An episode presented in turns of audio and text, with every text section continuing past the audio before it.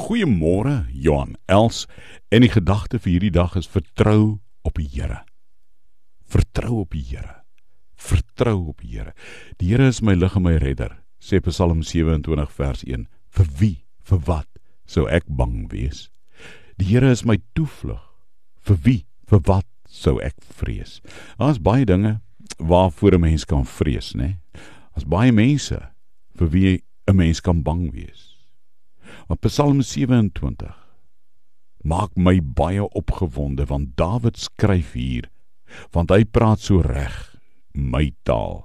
Hy sê in Psalm 27 vertrou op die Here om God se kind te wees beteken nie dat jy nooit nood sal belewe nie.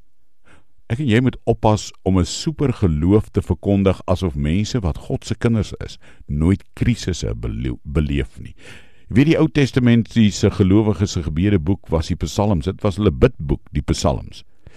Kyk deur die Psalms. Daar's daar's amper die helfte meer klaagliedere, klaagpsalms as lofpsalms.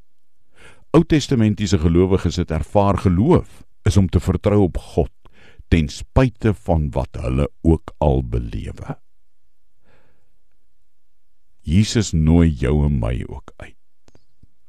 As ek en jy kind van God deur sy genade wil wees, beteken dit nie dat ons 'n lewe sonder probleme sal hê nie, maar in hierdie lewe kan ek vertrou op die Here om in my krisissituasies my hart vas te gryp.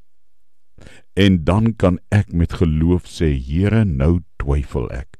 Nou kom staan ek voor U. Ek weet nie wat ek kan doen nie.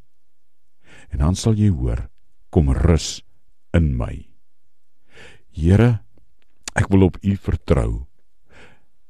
Al is ek bang vir mense, Here, al al vrees ek situasies waarin ek niks kan doen nie. Gee my geloofsvertroue so vars soos 'n oggendbrood in Jesus se naam. Amen.